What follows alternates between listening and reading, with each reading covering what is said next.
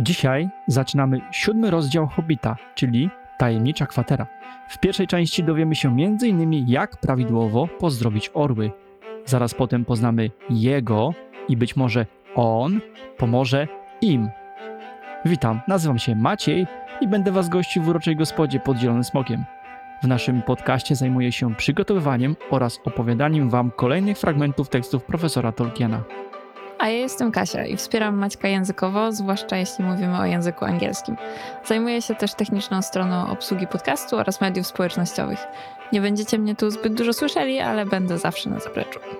Gospoda pod Zielonym Smokiem to miejsce przyjazne wszystkim podróżnikom i podróżniczkom. Tutaj będziecie mogli wspólnie z nami przewędrować przez niezwykle obszerną oraz ogromnie bogatą twórczość profesora Johna Ronalda Royla Tolkiena. A w jaki sposób? Analizujemy tutaj jego teksty po kilka akapitów w każdym odcinku. Zagłębiamy się w historię, poszukujemy ciekawostek oraz humorystycznych wątków. Sprawdzamy też, jak nasze rodzime tłumaczenia dzieł profesora wypadają między sobą, czy też w porównaniu do oryginalnego tekstu. W naszych poszukiwaniach posługujemy się w dużej mierze już istniejącymi materiałami, których ilość, co tu dużo mówić, jest no podniebna. Jak gniazda orów? Dokładnie, choć nie wiem, czy to takie fajne porównanie? Wiesz, najwyżej dostaniemy lawinę krytyki za suchary. Ale jeśli chcecie dowiedzieć się czegoś więcej o naszym podcaście i posłuchać jeszcze więcej sucharów, zachęcamy do zapoznania się z odcinkiem zerowym, gdzie mówimy trochę o sobie, a przede wszystkim o samej formie, inspiracji i celach naszych działań. Kończąc wstęp, zapraszamy do wspólnej wędrówki przez Śródziemie. Okej, słuchajcie, zajmijcie miejsca w naszej gospodzie pod Zielonym Smokiem, otwórzcie sobie książkę, przygotujcie kufelek dobrego trunku i zaczynamy naszą dzisiejszą podróż do Śródziemia. Ale nie tak szybko, bo to jeszcze nie koniec naszego wstępu. A dlaczego? To już zapowiadaliśmy Wam, że w tym odcinku usłyszycie naszego nowego specjalistę od dźwięku. Także Nikodem, czas na Ciebie. Cześć wszystkim. No miło tutaj macie w tej gospodzie, muszę przyznać. Cześć, cześć. Nikodem, w naszej gospodzie panuje wiekowa tradycja wypytywania nowo przybyłych. Tak więc uważaj, będzie teraz przesłuchanie. Kilka szybkich pytań, na które yy, oczekujemy od ciebie równie szybkich odpowiedzi, chociaż mogą być rozbudowane. I uwaga, od jak dawna masz do czynienia z dziełami Tolkiena? Eee, za młodu jeden z moich znajomych był pod wielkim wrażeniem pierwszego filmu Drużyna Pierścienia. Eee, wtedy pamiętam opowiadał tak mocno z taką satysfakcją o tych scenach bitewnych. Był mega tym e, podekscytowany. E, aż w końcu no, gadał tyle o tym, że postanowiłem sam w końcu obejrzeć tą adaptację, nie? więc można w zasadzie uznać, że ten 2001 rok, kiedy wyszedł ten film, był takim w sumie początkiem. Nie? To chyba taki moment kiedy dla wielu y, obecnych fanów Tolkiena, szczególnie z tej młodszej generacji, który y, moment wyznaczający początek fascynacji Tolkienem, właśnie zapoznanie się z filmami. Okej, okay. Kasia, pytanie numer dwa. Pytanie numer dwa, dobrze. E, czy masz jakiś ulubiony cytat albo powiedzonko z Tolkiena?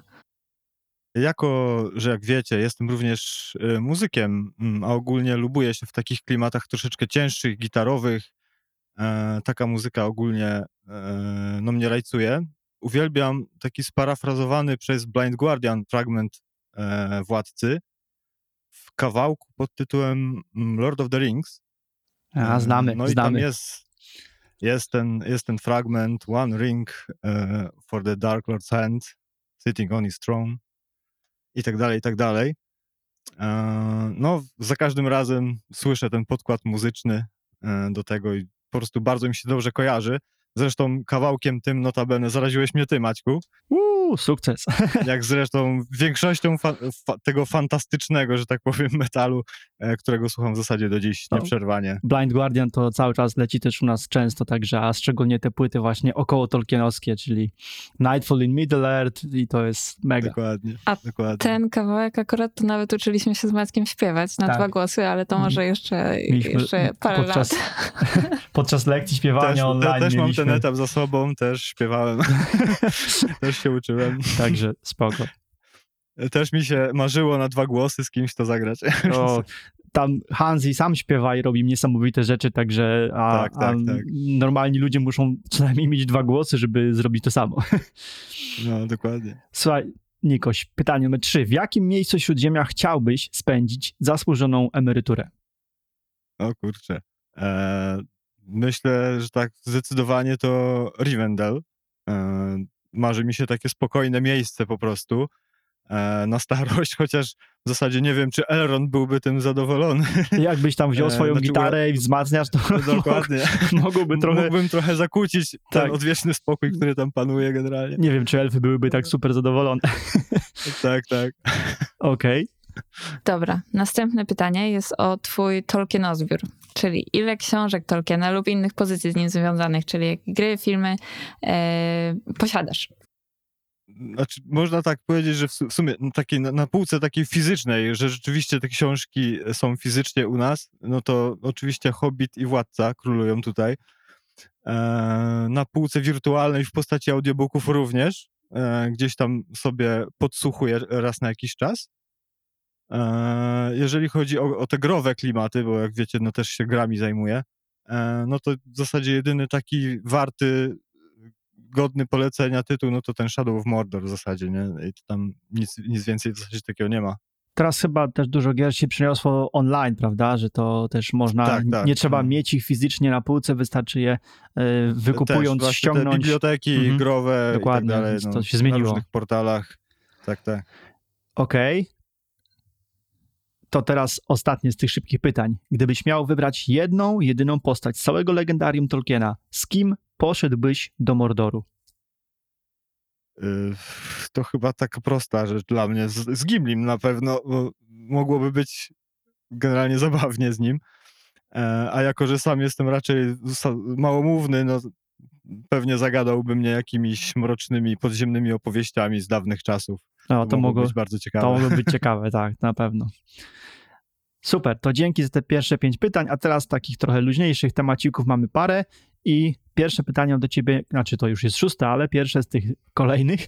E, powiedz może no, parę słów o twoim hobby związanym z tą produkcją dźwięku, czyli tym, czym tak naprawdę zajmujesz się we współpracy z nami. No, jako gitarzysta zawsze fascynowałem się nie- w zasadzie no, nie tylko tym graniem, ale i, i tym samym etapem realizacji d- dźwięku. Od uderzenia w struny e, przez wszystkie te etapy techniczne, e, aż do no, dosłownie wgniatania płuc ścianą dźwięku na koncercie. Zawsze mnie to fascynowało. Nie? Ty jakbyś, jakbyś tym wgniataniem, No. wgniataniem płuc ścianą dźwięku na koncercie właśnie u Ronda wystąpił w Rivendell, to mógł O, być tak, tak. mógł być twój To koniec w Rivendell. No. Gdzieś tam też zawsze jakby y, przy tych tematach około właśnie gitarowych, to zawsze gdzieś tam kombinowałem z tymi efektami gitarowymi, różne kostki, tam pedalboardy budowałem i tak dalej. Zawsze szukałem tych ciekawych brzmień. Gdzieś y, właśnie, no lubiłem taką zabawę, nie, tym, tym dźwiękiem. No i gdzieś tam w końcu pojawił się ten pomysł szkoły, żeby zrobić sobie po prostu kurs czy szkołę, e, która gdzieś w tym temacie no, rozwinie i moją wiedzę i, i, i jakieś tam umiejętności mi poprawi, nie?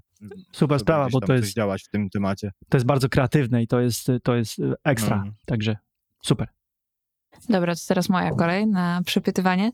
E, Streamujesz też materiały dotyczące gier wideo. E, Na pewno to kierunek znany i lubiany wśród fanów fantastyki i nie tylko, a w tym Tolkiena. Em, I wiadomo, w grach można się przenieść w te niezwykłe, fantastyczne światy. E, Powiesz nam coś więcej o tym? E, No tak, no klimaty fantastyczne, no uwielbiam po prostu, jeżeli chodzi o właśnie gry, filmy i, i, i ogólnie. Lubię wizualne rzeczy, nie? więc gry no, pozwalają e, wręcz wczuć się mega w tą rolę danej postaci, którą tam sobie gramy. Nie? E, No i bardzo mnie ciągnęły takie mroczniejsze klimaty, gdzieś tam fabularne. E, No, mistrzostwem świata dla mnie jest po prostu seria The Last of Us, która pod takim pozorem zwykłej e, apokalipsy zombie, czyli taki temat w ogóle wałkowany od wielu lat i e, w zasadzie mało odkrywczym wydawałoby się. No, serwuje nam tutaj podróż w takie najgorsze odmęty ludzkiej psychiki, e, takie no, mega mroczne klimaty, nie? I to jest po prostu coś niesamowitego. No, jakieś tam gry w podróżach kosmicznych, czyli no taka totalna fantastyka, jakieś obce planety i tak dalej, no tego jest no bardzo dużo, nie? No ale jako, że tutaj no, gadamy o Śródziemiu, no to może nie zbaczajmy za bardzo z tematu. E, nie chcę tutaj zanudzać też słuchaczy grami, e, więc Myślę, że wielu, wielu, y, wielu słuchaczy naszego podcastu to są ludzie, którzy też grają i też grają i y, y, czytają czy oglądają rzeczy właśnie związane z tą fantastyką czy science fiction także.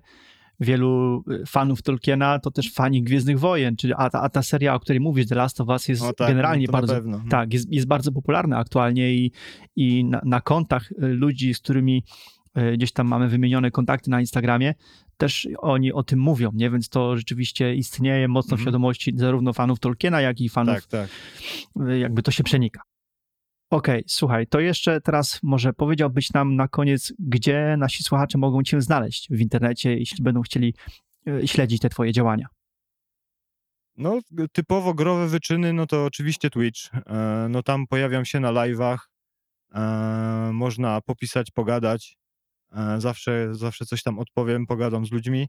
E, No fotografie i rzeczy takie związane z gitarami, no przede wszystkim na Instagramie, albo w zasadzie Instagramach, e, no bo kont mam kilka w zależności od tych działalności, więc no tam można, można mnie wyśledzić e, i nawiązać jakiś kontakt chętnie poodpowiadam, jeżeli ktoś ma jakieś pytania, to zapraszam. A to może jeszcze Mhm. tylko wtrącę, że jak przygotowaliśmy tutaj opis o tobie Nikodem na stronę, to zapytałam się Maćka, czy interesujesz się lotnictwem czy lutnictwem? Bo jakby obie te formy Tak. y, Tak, różnią tak. się tylko jedną literką, a obie właściwie mają sens i musiałam sobie sprawdzić dokładnie, co to jest lu- lutnictwo, e, więc y, Mhm. może też chcesz powiedzieć o tym e, jedno zdanie.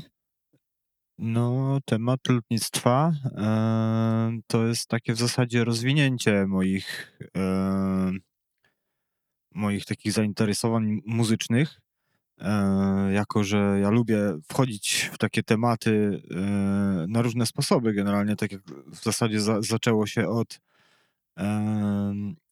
najpierw jakiegoś takiego świadomego słuchania muzyki, kiedyś tam, kiedyś tam, dawno temu. E, po czym po iluś tam latach słuchania najróż, najróżniejszych gatunków stwierdziłem, że może pora zacząć grać na tej gitarze. No i tak się to rozwinęło, że zasiadłem do gitary, gdzieś tam te parę lat tę gitarę miałem w rękach. Po czym to gdzieś tam dalej wyewoluowało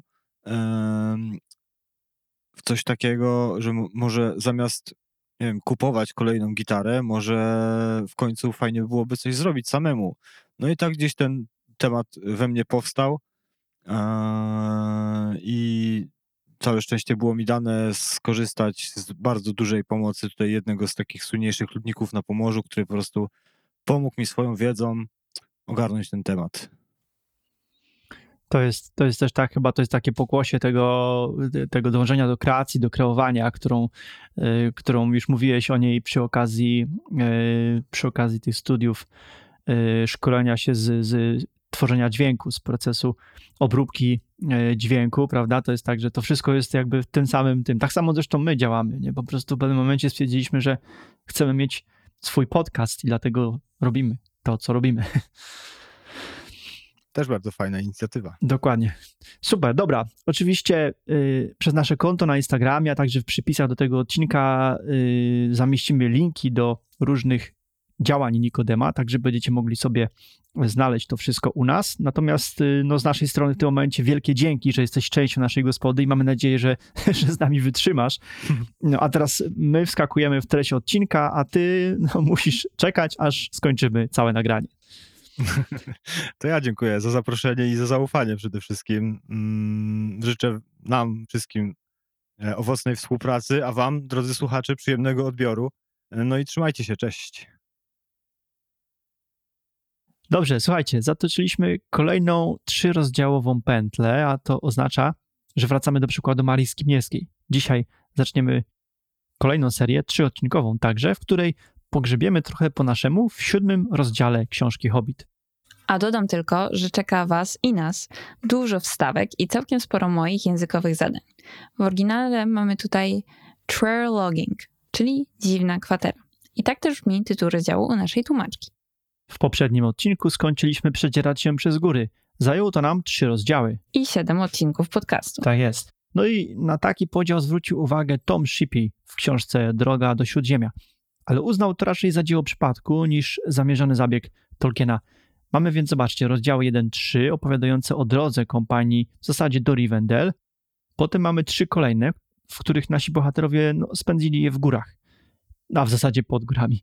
Teraz zaś rozdział 7, 8 i 9 będzie to wędrówka i przygody w Mrocznej Puszczy. Jeśli więc jesteście gotowi na pierwszy dzisiaj fragment tekstu książki, to posłuchajcie. Maciek zacznie oczywiście na samym początku rozdziału. Nazajutrz Bilbo zbudził się, gdy wschodzące słońce zaświeciło mu w oczy. Zerwał się, żeby spojrzeć na zegar i nastawić wodę w imbryku. I wtedy dopiero stwierdził, że nie jest u siebie w domu. Siadł więc i marzył na próżno o miednicy i szczotce. Nie było tych przymiotów, podobnie jak nie było herbaty, grzanek ani boczku na śniadanie, lecz tylko zimne mięso, baranie i królicze. A potem musiał przygotować się do dalszej podróży. Tym razem pozwolono hobbitowi wleść na grzbiet orła i przygnąć tam między skrzydłami. Powietrze gwizdało mu w uszach, oczy zamknął. Kiedy piętnaście wielkich ptaków zlatywało z półki skalnej, krasnoludy wznosiły pożegnalne okrzyki i przyrzekały odwdzięczyć się wodzowi orłów przy pierwszej sposobności. Słońce stało jeszcze nisko nad wschodnim krańcem świata. Poranek był chłodny, mgła zalegała doliny i wszystkie zagłębienia terenu. Rozszczepiała się tu i ówdzie na szczytach i górskich iglicach. Bilbo uchylił jedną powiekę, zerknął i ujrzał, że ptaki lecą już wysoko. Ziemia została daleko w dole, a góry uciekają szybko wstecz. Zamknął znów oczy i mocniej zacisnął powieki. Nie szczyp mnie, rzekł orzeł. Nie masz powodu tchórzyć jak królik, chociaż jesteś trochę do niego podobny. Mamy piękny ranek, wiatr ledwie dmucha. Cóż może być piękniejszego od takiego lotu? Bilbo miał ochotę odpowiedzieć. Gorąca kąpiel, a potem dobre śniadanie w ogródku przed domem. Rozmyślił się jednak i nic nie rzekł na to, nieco tylko rozluźnił chwyt palców na karku ptaka. Pamiętacie ten dziwny sen z końcówki szóstego rozdziału? Teraz zaś mamy jego efekt. Bilbo nadal jest zatopiony w bagien, w tych komfortach swojej norki i to świecące w oczy słońce wybudza go gwałtownie. Niemniej szybko się musi zebrać, bo, bo szykują się do odlotu. Tym razem jest to fantastyczna scena. 15 wielkich ptaków, ten słoneczny dzień o wschodzie słońca. Kasia, wiem, że przygotowałaś nam dystans, jaki przybyli w powietrzu. Tak, oczywiście na podstawie niezastąpionego atlasu Śródziemia e, Karen W. von możemy zmierzyć, że w linii prostej z gniazda orłów do szczytu Karog, czyli miejsca docelowego, dokąd leciały orły, mamy około 40 mil, to jest jakieś e, 65 kilometrów. Oczywiście można przypuszczać, że orły zataczały kręgi i podchodziły do lądowania stopniowo, czyli nie była to taka linia prosta do końca. A ile według ciebie mógł trwać taki lot? Y, No, obawiałam się takiego pytania i tu z pomocą przyszła Wikipedia, więc to będą nasze własne szacunki. E, więc zobaczymy. Mam nadzieję, że wszystko jest wiarygodnie. E, bo tak, standardową prędkością orła e, w locie jest niecałe 50 km na godzinę. E, to oznacza, że łącznie z obniżaniem lotu przez zataczanie kręgu, kręgów i tak dalej, mogło to trwać jakieś półtora godziny. Super początek dnia, nie? Półtora godziny lot z widokiem na góry. No ale wszystko jasne. Słuchajcie, zwróćcie uwagę, jak Tolkien świetnie opisuje te właśnie poranne mgły w górach, które rozszczepiały się we wszystkich zagłębieniach terenu. To jest taki bardzo obrazowy, sugestywny opis tego, tego zjawiska. Może sam to widział w czasie tych swoich wycieczek po górach, po Pewnie Alpach. tak, pewnie tak zapamiętał. Natomiast no, Bilbo przeżywa katusze, zamyka oczy, mocno chwyta swój środek transportu za pióra. I, I tu kolejny raz pojawia się znowu to przyrównanie hobita do królika. Tolkien robił co mógł, żeby zaprzeczyć swoim słowom. Powszechnie powtarzał, że nazwa hobbit nie ma nic wspólnego z angielskim rabbit, czyli królik. A jednak w tekście kolejny raz, i to zobaczcie, w poprzednim rozdziale to było pod koniec rozdziału, teraz na początku znowu. Te dwa słowa występują tuż obok siebie. Okej, słuchajcie, i zobaczcie teraz, jak skrajnie odmienne wrażenia z lotu mają ci dwaj bohaterowie tego wydarzenia, dialogu w zasadzie z końca czytanego akapitu. Orzeł, no wiadomo, uznaje to za szczyt przyjemności, natomiast Bilbo, no, zamieniłby bez mrugnięcia okiem lot na kąpiel i śniadanie w ogródku. Oczywiście, jak to hobbit, musiał odnieść się w myślach do jedzenia, no jasne. Dobrze, omijamy teraz jeden akapit, gdzie cała kompania zbliża się do pojedynczej skały, bardzo wysokiej i strzelistej, opływanej przez rzekę, wielką rzekę, niczym samotna wyspa. Posłuchajcie, co dalej. Orły, jeden po drugim, szybko siadały na skale, pozostawiając tu swoich pasażerów. Bądźcie zdrowi! krzyknęły. Gdziekolwiek zawędrujecie, bądźcie zdrowi i niech was gniazda wasze przyjmą szczęśliwych u kresu podróży. Tak żegnają orły swoich przyjaciół, jeśli chcą być bardzo grzeczne. Niech wiatr niesie wasze skrzydła tam, gdzie słońce żegluje i gdzie przechadza się księżyc. Odwzajemnił się Gandalf, który znał właściwą odpowiedź. A ci z was, którzy pomyśleli teraz, że to już koniec odcinka, nie, nie, jeszcze trochę przed nami. Te słowa, którymi z wami co tydzień się żegnamy, pochodzą właśnie z tego fragmentu legendarium. Tak jest, potwierdzam. No i za pozwoleniem kontynuuję czytanie. W ten sposób się rozstali, a chociaż wódz orłów został później królem wszystkich ptaków i włożył złotą koronę, a piętnastu jego namiestników otrzymało złote naszyjniki ze złota ofiarowanego przez krasnoludy, Bilbo nigdy już w życiu nie miał ich ujrzeć.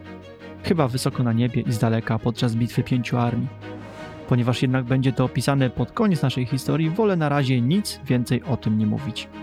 Skała była na szczycie spłaszczona, a wydeptana ścieżka prowadziła z niej po wielu stopniach w dół ku rzece i dalej przez groble z płaskich kamieni na łąkę.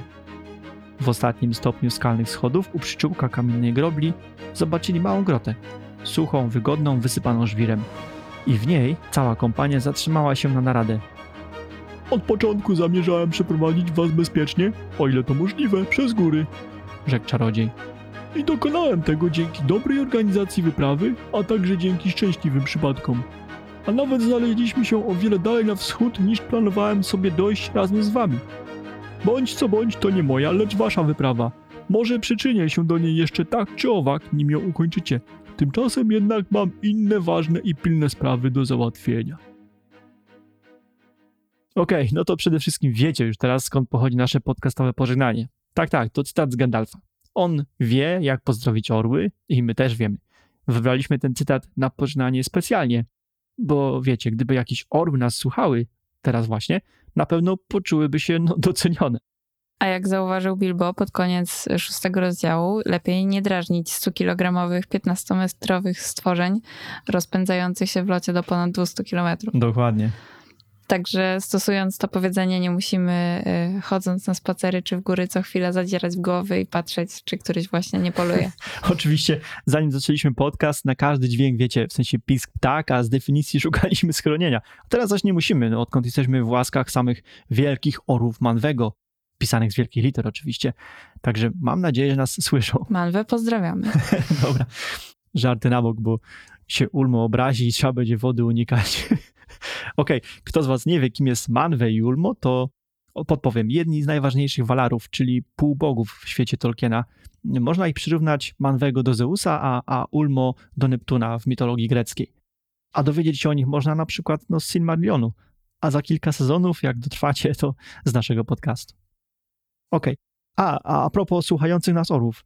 Schodzimy na ziemię i podamy wam ciekawostkę. Otóż nasz podcast dotarł już na trzy kontynenty i od niedawna do 12 krajów. Oczywiście no króli Europa, gdzie oprócz Polski, wiadomo, mamy słuchaczy w Niemczech, Wielkiej Brytanii, Belgii, Holandii, Norwegii, Finlandii, na Węgrzech, a także w Irlandii i we Włoszech. Poza tym jesteśmy regularnie słuchani za oceanem w Brazylii i USA.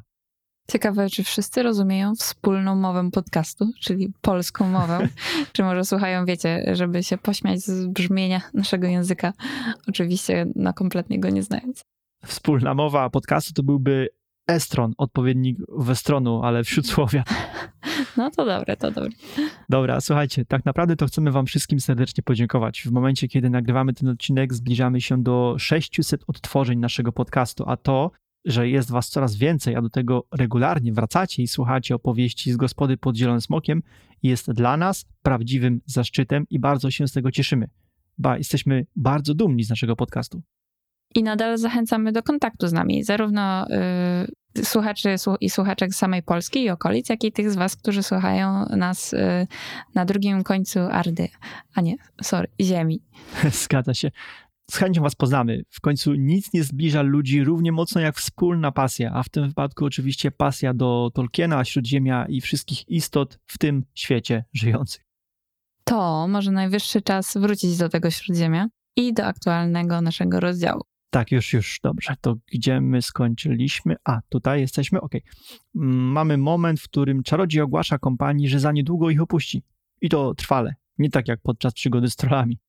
Tak de facto od samego początku Gandalf nie deklarował się jako członek kompanii. Zawsze była mowa o 14 osobach i nawet Bilbo był szukany właśnie jako dopełnienie do tej czternastki, bo krasnoludowie nie chcieli wyruszać w 13, a przecież wiemy, że tylu, tylu krasnoludów zebrał Thorin do swojej wyprawy.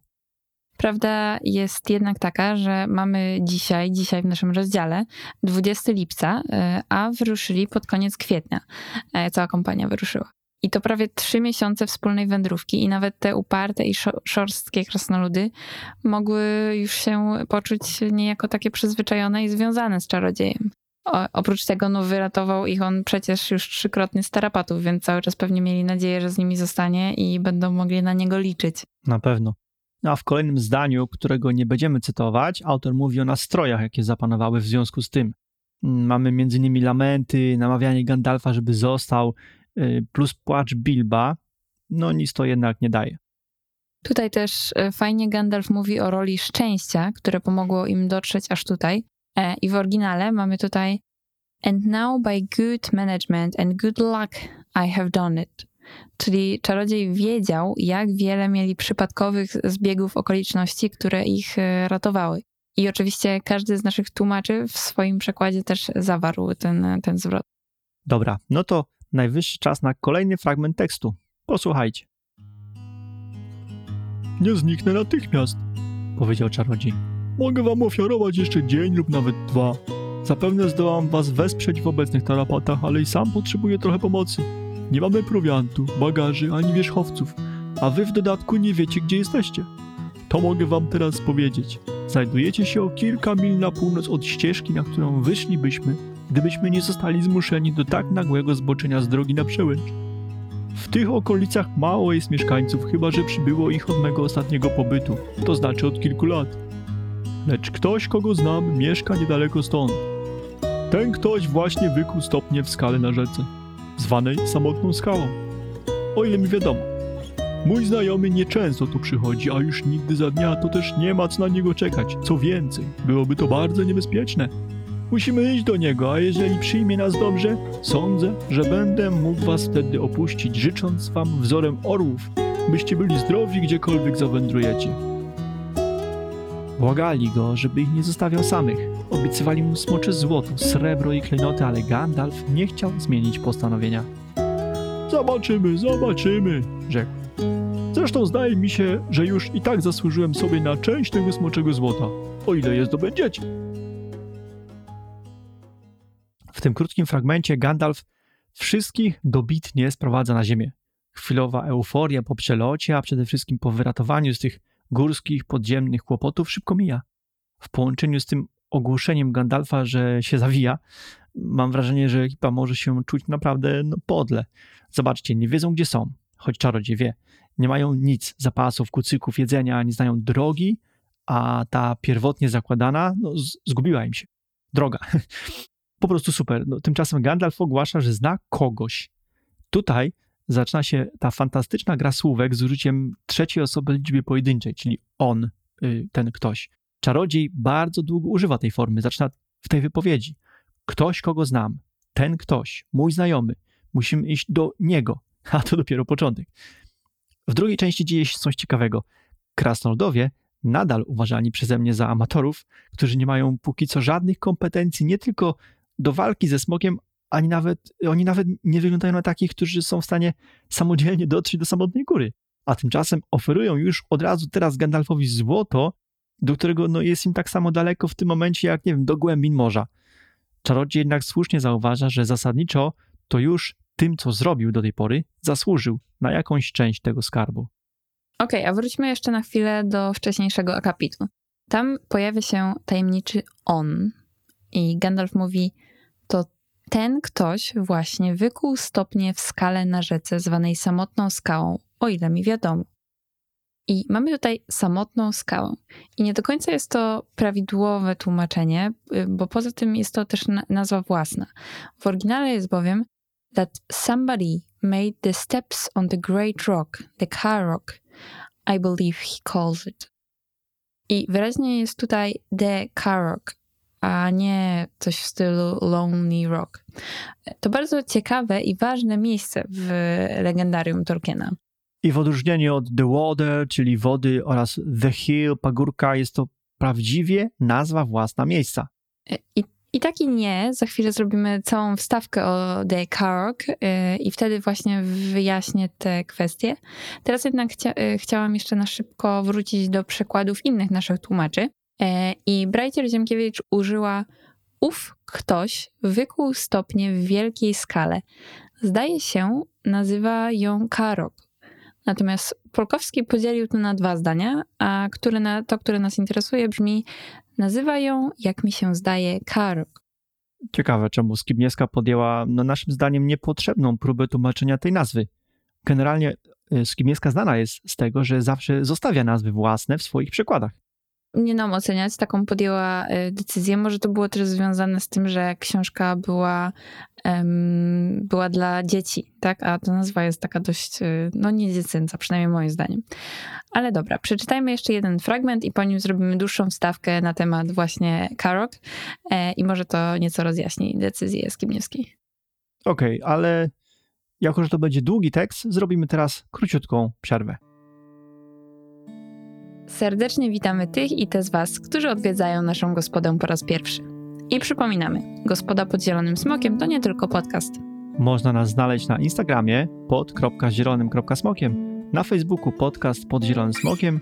Czekamy też oczywiście na Wasze maile na gospodamałpa pod zielonym smokiem pisane razem.com. Jeżeli podoba Wam się to, co tutaj robimy, zachęcamy do wystawiania nam ocen i komentarzy oraz do zasubskrybowania kanału. Zachęcamy też do rozszerzenia naszej społeczności. Jeśli macie kogoś, kto mógłby być zainteresowany wspólnym wędrowaniem przez dzieła Tolkiena, zaproście ich pod Zielonego Smoka. Nasza strona internetowa pod zielonym smokiem pisane razem.com zawiera linki do wszystkich odcinków wraz z przypisami, a także przebogaty Tolkienozbiór, czyli bibliotekę książek obu Tolkienów, Christophera i J.R.R. Tolkiena oraz książek oczywiście o Tolkienie.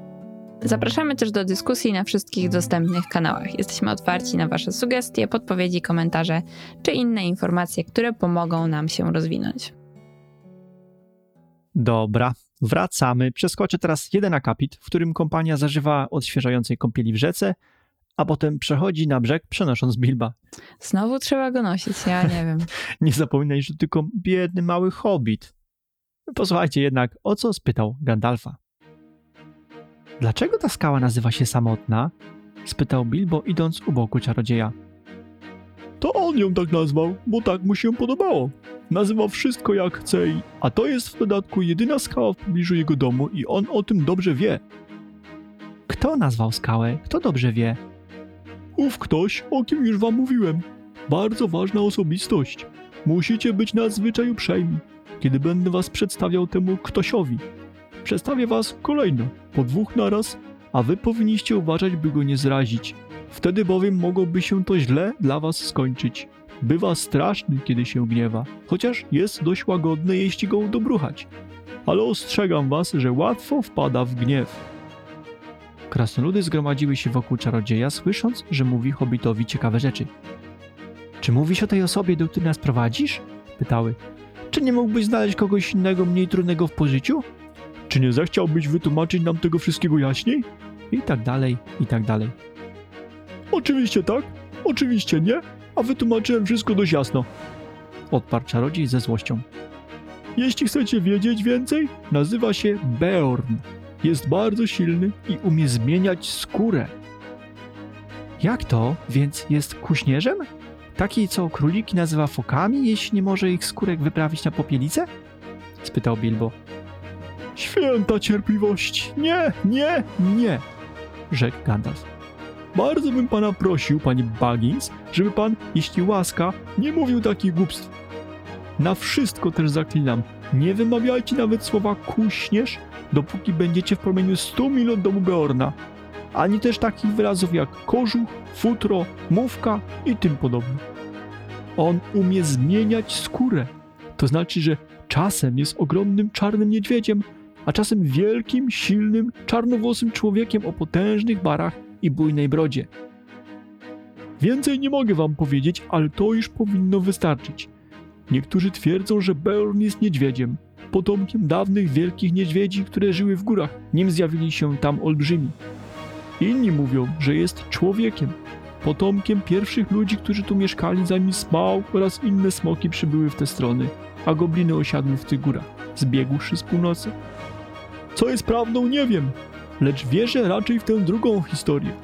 Beorn nie należy do osób, którym by można zadawać pytania. W każdym razie nie ulega żadnym czarom oprócz swoich własnych. Mieszka w lesie dębowym i ma duży, drewniany dom. Jako człowiek hoduje bydło i konie, prawie równie jak on sam niezwykłe. Zwierzęta pracują dla niego i rozmawiają z nim. Nie jada mięsa zwierząt domowych ani dzikich, nie poluje też nigdy. Ma wielką pasiekę, a w ulach ogromne, bardzo cięte pszczoły. Żywi się też przeważnie śmietaną i miodem. Jako niedźwiedź wędruje daleko. Widziałem go kiedyś siedzącego samotnie na szczycie samotnej skały, zapatrzonego w księżyc, który zachodził za góry mgliste i dosłyszałem, jak mruczał w języku niedźwiedzi. Przyjdzie kiedyś dzień, że oni wyginą, a ja powrócę.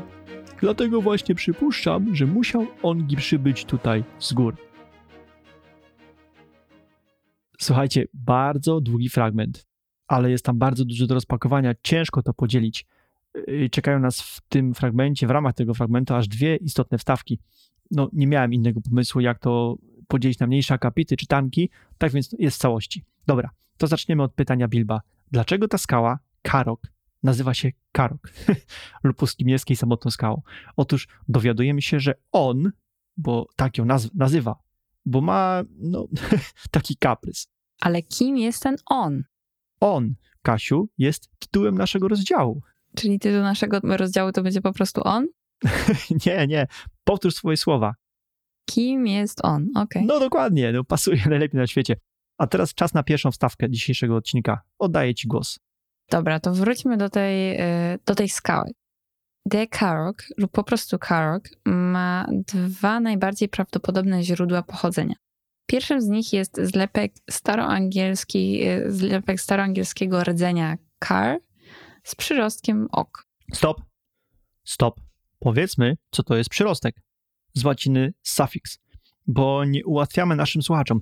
Otóż jest to część wyrazu występująca po jego rdzeniu, w przeciwieństwie do przedrostków, czyli prefiksów, które pojawiają się na początku, czyli przed rdzeniem.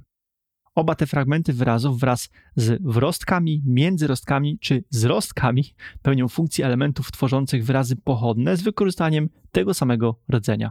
Mm, No nie wiem, czy tym wyjaśnieniem komukolwiek coś ułatwiłeś, ale okej. Przynajmniej próbowałem. No dobrze, więc mamy e, kar plus ok. E, I to w tym tłumaczeniu pojedyncze, odosobnione wzgórze. E, tutaj więc to tłumaczenie skimniewskiej można zdecydowanie obronić przed krytyką. Całkowita racja, ale mówiłaś jeszcze o drugim potencjalnym źródle wyrazu karok. E, tak, i przytoczę tutaj e, fragment z The Ring of Words. E, to jest genialna książka opracowana przez e, trzyosobowy zespół e, Gilliver, Marshall i Weiner. I cytuję tutaj, tutaj fragment dotyczący wakacji Tolkiena w Cornwalli. There are some rocks called the Carracks off the north coast of the Penwith Peninsula. The name being spelled Carrock in 1742 and Carrick Roads, an anchorage of Falmouth, takes its name from some prominent rocks close by. Both names are derived from Cornish carrick, rock, related to Welsh carrick, stone. Both of these words are in turn derived from the ancient British root of the Oxford English Dictionaries, car. Czyli w skrócie. Mamy na wybrzeżu skałki The Carracks, które w dawniejszych czasach były nazywane Carrocks. Niemniej ich nazwa wywodzi się z języka kornwalijskiego. E, To południowo-zachodnie wybrzeże Anglii, a sam język ma swoje korzenie w języku celtyckim. Słowo, z którego ta nazwa się wykluła, to karyk, czyli skała w kornwalijskim, czy carex stone w walijskim. Oba te wyrazy pochodzą ze staroangielskiego rdzenia kar i oznaczającego kamień i skałę. I tutaj nie byłam do, w stanie dokładnie powtórzyć akcentu celtyckiego czy kornwalijskiego, ale mam nadzieję, że rozumiecie, że oba em, te słowa mają ten wspólny właśnie rdzeń kar. Tak, rdzeń kar jest kluczowy i on będzie występował we wszystkich próbach wytłumaczenia tego słowa. Okej, teraz coś polskiego. Douglas Anderson w Hobbicie z objaśnieniami znalazł powiązania w The English Dialect Dictionary. To jest monumentalny słownik dialektów angielskich z 1898 roku autorstwa Josepha Wrighta. Jest tam wyraz lub grupa wyrazów czytanych jako kirek, a oznaczających po pierwsze usypany kopiec skalny, miejsce pochówku, kamień graniczny lub wskaźnik dla wędrowców, albo po drugie samodzielną, oddaloną od innych strzelistą górę, mogącą być dla okolicznych mieszkańców wskaźnikiem upływu czasu dnia, czasu słonecznego. I jak wiemy, na pewno ta skała, o której mówimy, nie była miejscem pochówku, ale już jako kamień graniczny czy wskaźnik dla wędrowców, no jak najbardziej, bo w końcu no, na podstawie położenia The Carrock Gandalf określił, gdzie aktualnie jest kompania i dokąd powinni się udać dalej. Kolejna porcja ciekawych badań to trop e, Johna Radcliffe'a z The History of the Earth, e, Tolkien's The Hobbit. Otóż na oryginalnym manuskrypcie Tolkiena znalazł na stronie dotyczącej aktualnych e, wydarzeń sekwencję wyrazów e, dopisanych na marginesie. E, I były to cztery wyrazy i między nimi e, były połączone strzałką. I te cztery wyrazy to Sornelin, Sinrock, Lamrock, Decarok. Kasia, wejdę ci tu w słowo. Dla tych z was, którzy nie wiedzą, dużą część swoich notatek oraz manuskryptów Tolkien swojego czasu sprzedał Uniwersytetowi Marquette z amerykańskiej miejscowości Milwaukee w stanie Wisconsin. I tam też jest między innymi cały manuskrypt Hobbita, książki, mówimy o książce, czyli to, co zapisał Tolkien ręcznie w te pierwsze, pierwsze wersje Hobbita są tam sprzedane i tam są przechowywane. W ogóle ten uniwersytet no, uchodzi za kolebkę amerykańskiej tolkienistyki. Dokładnie, tak więc te cztery wyrazy zapisane są tak jakby po strzałkach i to sugeruje ewolucję tej nazwy. Radcliffe próbuje rozwiązać w sposób e, lingwistyczny te sekwencje, jednak nie udaje mu się dojść do konkretnych wniosków. Wyciąga natomiast inny, spójny em, z przemyśleniami Toma Shippeya. Przytoczę go teraz. It is thus one of those asterisk words, which, as Shippey points out, is exactly the kind of thing that attracted Tolkien's attention. Czyli jest to jeden z takich wyrazów z gwiazdką, które nie mają jednolitej, spójnej i czytelnej lingwistycznej mm, podstawy i natom- natomiast takie wyrazy bardzo ciekawiły i przyciągały Tolkiena. Tak jest. A kolejny trop prowadzi do dosyć powszechnego zwyczaju nazywania takich samotnych pojedynczych skał, zwłaszcza na wybrzeżu, jako właśnie karok lub pochodne. Nasz profesor również przeniósł tego typu zabieg do swojego legendarium.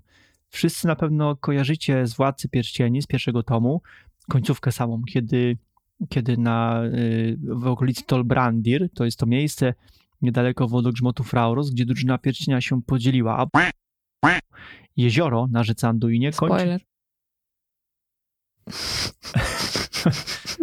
Tak? Czy jest wśród was ktoś, kto nie wie, że... Nikoś nie wiem, co z tego skleić, ale życzę powodzenia. Okej, jezioro na tej rzece Anduinie, o, którym, o której mówię, kończy się właśnie takim rozszczepieniem wody na dwa nurty, opływające tą całkowicie niedostępną wyspę. I padają tam w oryginale słowa Tolbrandir was originally called Tolondren the Great Karok. gdzie wyraz Tolondren to zlepek dwóch sindaryńskich elementów. Tol, czyli wyspa, i Ondren, czyli najprawdopodobniej wielki kamień. No niemniej mamy tutaj jakby wyraźnie powtórne użycie nazwy Karok, pisane z wielkiej litery. Końcowy wniosek jest tylko jeden, tak jak to często u Tolkiena bywa. Słowo zastosowane przez niego, koniec końców, jest zlepkiem kilku różnych inspiracji i źródeł, z których nasz znakomity profesor filologii wybrał to, co mu było najpotrzebniejsze i wytransferował własną nazwę do swojej powieści, do swojej twórczości. No i tyle opowiadania i przytaczania źródeł, a można było wszystko y, wyjaśnić jednym zdaniem. E, no tak, ale nie u nas, nie, nie pod zielonym smakiem. Dokładnie, tutaj zawsze grzebiemy w historii głęboko. Jesteśmy przecież najbardziej gościnną gospodą w Shire. Okej, tak więc kończymy wstawkę o Karok.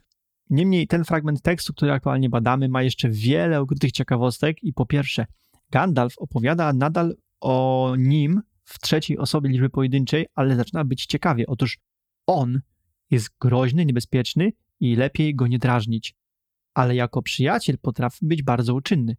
Padają wtedy pytania jedno przez drugie z ust krasnoludów. Gandalf odpowiada jednym ciągiem. Tak, nie, już to zrobiłem. Tak w skrócie brzmi odpowiedź Gandalfa. to często tak robi, to nie pierwszy raz, co świadczy o jego no, niesamowitej podzielności uwagi i niezwykłej inteligencji. Ja to bym, nie wiecie, musiał każde z tych pytań osobno, nie wiem, odfiltrować i po kolei odpowiadać. No tak, ale on był majarem, w sensie on, on Gandalf był majarem, a ty jesteś tylko człowiekiem. Dobrze, dobrze. Znam swoje słabości, ale w końcu jednak dowiadujemy się, jak on się nazywa. Beorn. Jupi! Gandalf w końcu zmiękł i y, podał imię. Albo doszedł do wniosku, że łatwiej podać imię jego, niż budować te zdania z podmiotem w trzeciej osobie liczby pojedynczej. Może po angielsku nie było to tak skomplikowane, bo w polskim mamy dużo więcej odmian, Tak, to. ale mimo wszystko pewnie no, nie było to No naturalne ale dla niego. mógł to zrobić od razu, przecież i tak w końcu no, de facto musiałby powiedzieć kompanii imię tego, do kogo idą, więc po co te wszystkie utrudnienia? No nigdy nie oceniaj działań czarodzieja, zanim nie poznasz ich No i- finalnego efektu. No i pokonałaś mnie właśnie parafrazowaniem cytatów z Władcy. Dobrze. E, Słuchajcie, poznajemy natomiast jeden bardzo istotny fakt na temat Beorna. Otóż jest on zmiennoskórym. W oryginale skin changer, ale tu jest pisane z myślnikiem. Na tym się teraz skupimy. W przyszłym tygodniu zrobimy dużą wstawkę o Beornie jako tako. Natomiast dzisiaj była już jedna o Karok, więc żeby w miarę równo czas podzielić, zajmiemy się tematem zmiennoskórych. Mm, Pierwsze, co powiemy, to powiemy, dlaczego Bilbo mógł się pomylić i zrozumieć to skin changer nieco inaczej. E, Mamy tutaj dwa znaczenia identycznie brzmiących słów. Otóż skin changer, zapisane z myślnikiem mm, pomiędzy dwoma wyrazami, tłumaczymy jako zmiennoskóry. Czyli postać, która e, umie przybierać formę cielesną innej rasy czy gatunku. Natomiast skin changer pisany jako dwa osobne wyrazy oznacza zm- zmienianie, przetwarzanie czy i obróbkę skór. E, Po polsku mamy takie słowo jak kuśnierstwo. I kluczowy jest tutaj ten wyraz change. I oczywiście na podstawie naszego ulubionego Oxford English Dictionary możemy e, przetłumaczyć słowo change jako, e, czy wyjaśnić słowo change jako an act or process through which something becomes different. Bardzo filozoficzne wyjaśnienie. E, ale tak, czyli jest to proces lub wydarzenie, w wyniku którego coś zmienia się, e, zmienia swoje e, właściwości i zmienia się w coś innego. Tak, to jest też jedno z kilku znaczeń słowa change. Jedno z kilku znaczeń, które najbardziej pasuje do tej sytuacji, jaką my potrzebujemy. Okej, e, a teraz kim są ci zmiennoskórzy? Tradycja ludzi przybierających w specyficznych okolicznościach formę zwierząt lub zyskujących zwierzęce właściwości pochodzi w, generalnie z mitologii nordyckiej. W Oxford English Dictionary mamy definicję pojęcia skin changer. Kasia? E, tego skin changer z myślnikiem teraz. Tak, tak. I jest to one supposedly able to metamorphose himself or herself. Czyli ktoś, kto rzekomo może dokonać metamorfozy. Natomiast w tradycji nordyckiej istniało pojęcie berserker, które zostało e, adaptowane do języka angielskiego i tak właśnie się je wymawia po angielsku, choć obecnie trochę zmieniło ono znaczenie. I zacytuję wam teraz fragment e, książki, ponownie książki The Ring of Words. In the extract, Gordon explains the origin of the Old Norse word berserker. Berserks were probably named bear shirts from a superstition that they were skin changers. Gordon also says that a berserker was a wild warrior on whom a fighting range descended like madness, and that it was probably believed that they got superhuman strength from their animal nature.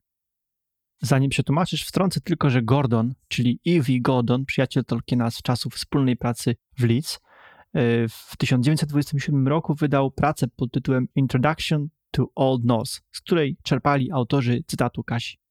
Dokładnie. No dobra, to teraz tłumaczenie.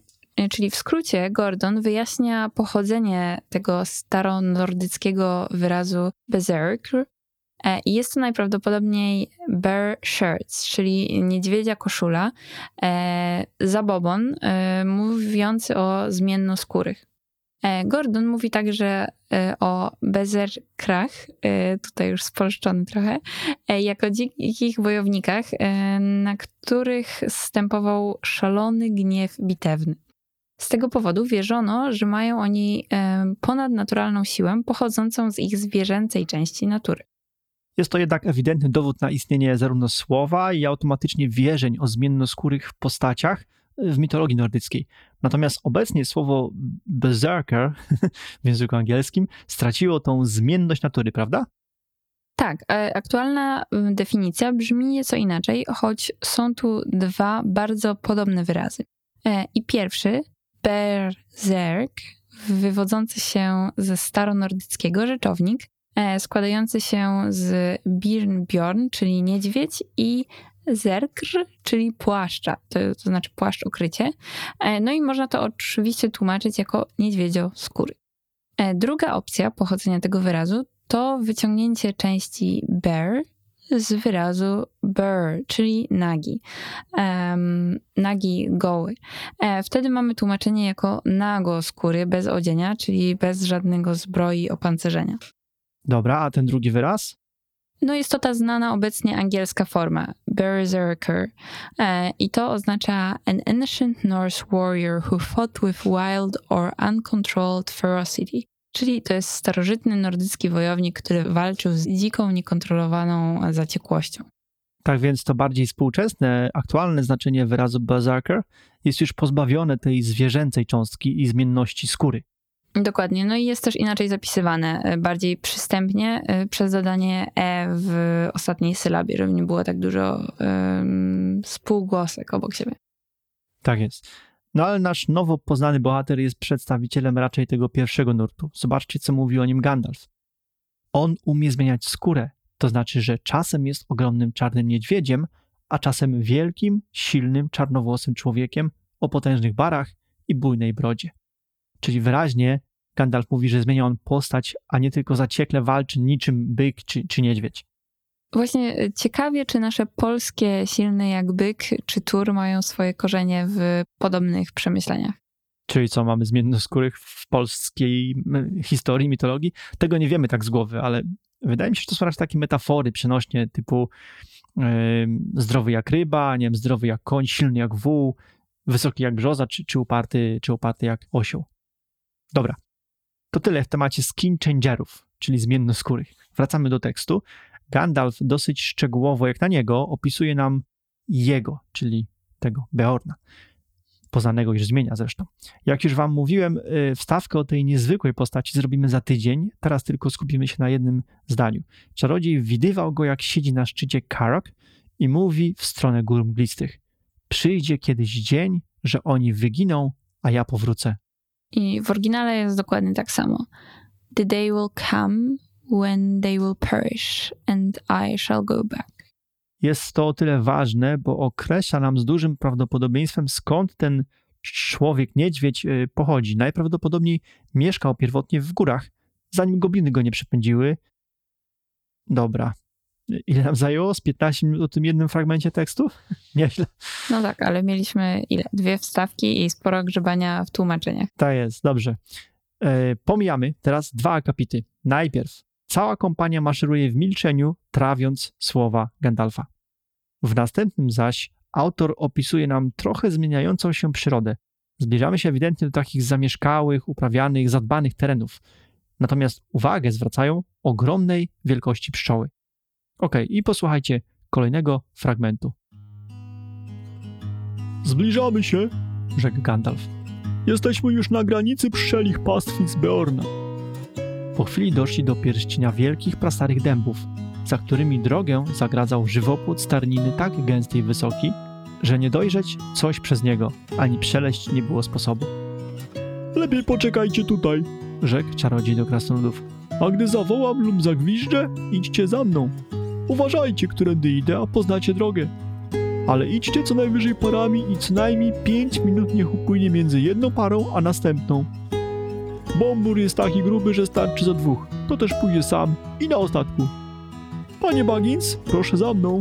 Gdzieś tu w pobliżu musi być brama. To rzekłszy, Gandalf ruszył wzdłuż żywopłotu, a przerażony Bilbo trop w trop za nim. Wkrótce doszli do wysokiej i szerokiej drewnianej bramy, za którą zobaczyli ogród i całą grupę niskich drewnianych budynków, a wśród nich kilka krytych strzechą i skleconych z grubych, nieciosanych kloców, zapewne stodoły, obory, stajnie i szopy, oraz niski i długi dom mieszkalny. Wewnątrz ogrodzenia po południowej stronie żywopłotu stały w rzędach ule ze słomianymi dachami, na kształt dzwonów. Brzęczenie olbrzymich pszczół, kręcących się tam i sam wokół uli, wypełniało powietrze. No, bardzo ładnie się ten nie, folwark Beorna prezentuje. Te dęby i żywopłot starniny podobają mi się takie lokacje. Niemniej Gandalf zatrzymuje kompanię i wydaje polecenia, w jakiej kolejności kto kiedy wchodzi. Podaje też odstępy czasowe lub umawia ich na gwizd lub zawołanie. No i tutaj widzimy, że bardzo e, tak nieładnie potraktował Bombura. Em, To fakt, że jest on grubszy niż pozostali, ale no nie powinno się raczej w tak otwarty sposób na forum grupy krytykować kogokolwiek za otyłość czy jakiekolwiek inne em, ułomności, odrębności. Dokładnie. Pod, pod tym względem, no wiadomo, czasy się mocno zmieniły. Być może na początku XX wieku przymrużano na takie zachowania oko. Niemniej obecnie no, tego typu zachowanie jest uznawane za co najmniej niekulturalne, także nie czerpcie z tego jako wzorca.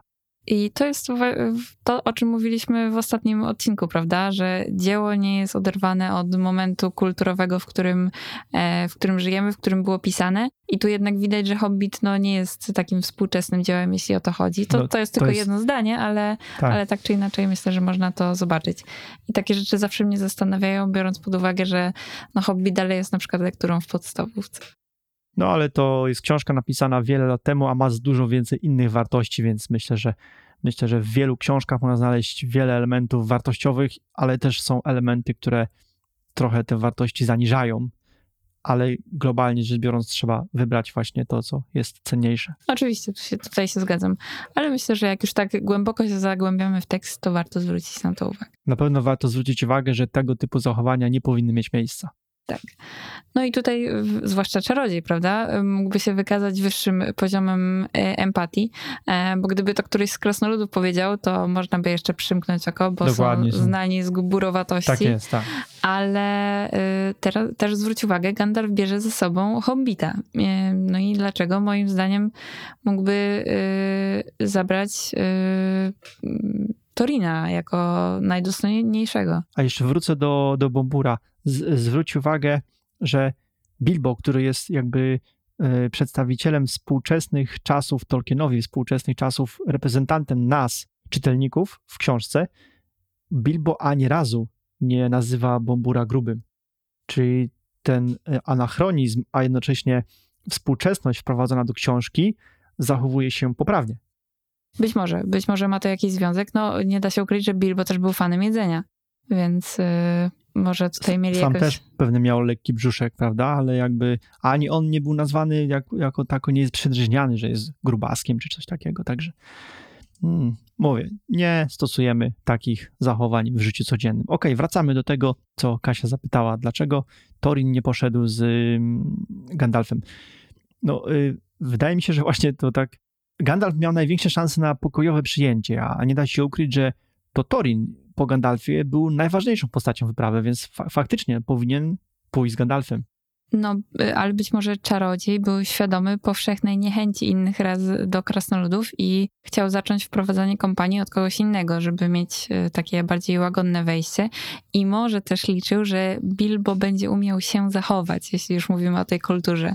Tak, tak, ale jak poznamy już za tydzień bardziej dogłębnie naszego Beorna, to zauważycie, że przy nim nie ma sensu kultura osobista. Ale globalnie ma to sens, czyli jakby zakładamy z góry, że gdziekolwiek by się nie pojawili, krasnoludowie, to będzie to no, co najmniej niemile widziane towarzystwo. Dobrze, zwróćcie teraz uwagę na ostatni akapit w tym, yy, tego czytanego tekstu. Już w pierwszym zdaniu mamy przerażonego Bilba. Gandalf yy, yy, wszystkich nastraszył, że w kompanii wszyscy trzęsą kolanami na myśl o spotkaniu z Beornem. Ta opowieść o, o Beornie, jeszcze jak byli na Karok, w tej jaskinice, yy, mocno ich nastraszyła. A teraz znowu stanęli przed żywopłotem i kolejny raz powiedział, żeby się yy, wchodzili dwójkami, zachowali odstępy, byli bardzo cisi, spokojni i grzeczni. Czyli Tolkien w ten sposób ustami czarodzieja doskonale buduje napięcie i kumuluje emocje przed wejściem na posesję tego zmiennoskórego. I zobaczcie też już w czasie wchodzenia za bramkę te ogromne, brzęczące pszczoły. Takie wrażenie pustki, bo na tym folwarku są tylko pszczoły, może też jakieś zwierzęta, ale nikogo takiego, no, w cudzysłowie, ludzkiego. Taka trochę scena jak we współczesnych serialach e, i książkach postapokaliptycznych. E, taka pustka i te pszczoły, klimat tak z takiego horroru. Dokładnie, a to przecież książeczka dla dzieci. Według Rainera Anwina nadawała się dla 5 do 9 latków. E, A kto nie pamięta, o czym mówimy, zapraszamy do odcinka numer jeden. Okej. Na zakończenie dzisiejszego odcinka mamy zaś króciutki fragment, w którym w końcu zobaczymy jego. Posłuchajcie. Czarodziej i hobbit pchnęli ciężkie, skrzypiące wrota i poszli szeroką ścieżką w stronę domu. Kilka koni lśniących, doskonale utrzymanych, podbiegło przez trawnik, przyjrzało im się uważnie inteligentnymi oczyma i galopem pomknęło ku zabudowaniom. Poszły mu oznajmić o pojawieniu się obcych w zagrodzie, rzekł Gandalf. Po chwili znaleźli się na dziedzińcu z trzech stron objętym trzema skrzydłami domu. Po środku leżał wielki pień dębowy, a przy nim mnóstwo obciosanych gałęzi. Tuż obok stał olbrzymi mężczyzna. Miał bujną, czarną czuprynę i gęstą, długą, czarną brodę. Ramiona i łydki nagie, z węzłami potężnych mięśni, wyraźnie zarysowanymi pod skórą. Ubrany był w wełnianą bluzę sięgającą do kolan i wspierał się na ogromnym toporze. Konie nozdrzami niemal dotykały jego ramienia. Weszli. Od razu zostali zbadani przez czworonożnych strażników, czyli przez konie. Pobiegły one, jak zauważył Gandalf, oznajmić Beornowi, że mamy gości. Czarodziej z hobbitem udali się w stronę dziedzińca. No budynek jest w kształcie litery U, gdzie na dziedzińcu ogromny człowiek rąbie drewno. Jak opisuje autor, miał długą czarną brodę, gęstą czuprynę, ale najważniejsze był on bardzo wysoki i potężnie zbudowany z ogromnymi mięśniami. Do tego wspierał się na także ogromnym toporze. No jak myślicie, co sobie w tym momencie pomyślał Bilbo? Czy na pewno zrobili dobrze, że tu weszli? Tego dowiemy się za tydzień, bo to było na tyle, jeśli chodzi o dzisiejszy odcinek. Dziękujemy bardzo za Wasz czas spędzony pod Zielonym Smokiem. Pamiętajcie, czekamy na Wasze maile i pytania w mediach społecznościowych. Postaramy się najciekawsze zagadnienia czy komentarze poddać publicznej analizie na łamach tegoż podcastu. Nie zapomnijcie też kliknąć subskrypcji w waszej ulubionej aplikacji. Przypisy do wykorzystanych w tym epizodzie cytatów oraz innych materiałów znajdziecie w bibliografii odcinka na naszej stronie internetowej. Mamy tam też pełny, bardzo bogaty Tolkien oraz zestawienie innych mediów, z których korzystamy tworząc podcast. A w oczekiwaniu na kolejny odcinek zapraszamy do przeczytania reszty siódmego rozdziału. w którym dowiemy się, że jest ktoś, kto nie zna Gandalfa. Nigdy o nim nie słyszałem. Aktualnie to chyba nawet w naszej kulturze nie ma ludzi, którzy nie znają Gandalfa, prawda? Tak, coś w tym jest. Do usłyszenia w podcaście pod Zielonym Smokiem za tydzień i jak mówił właśnie ten Gandalf, niech wiatr niesie wasze skrzydła tam, gdzie słońce żegluje i gdzie przechadza się księżyc.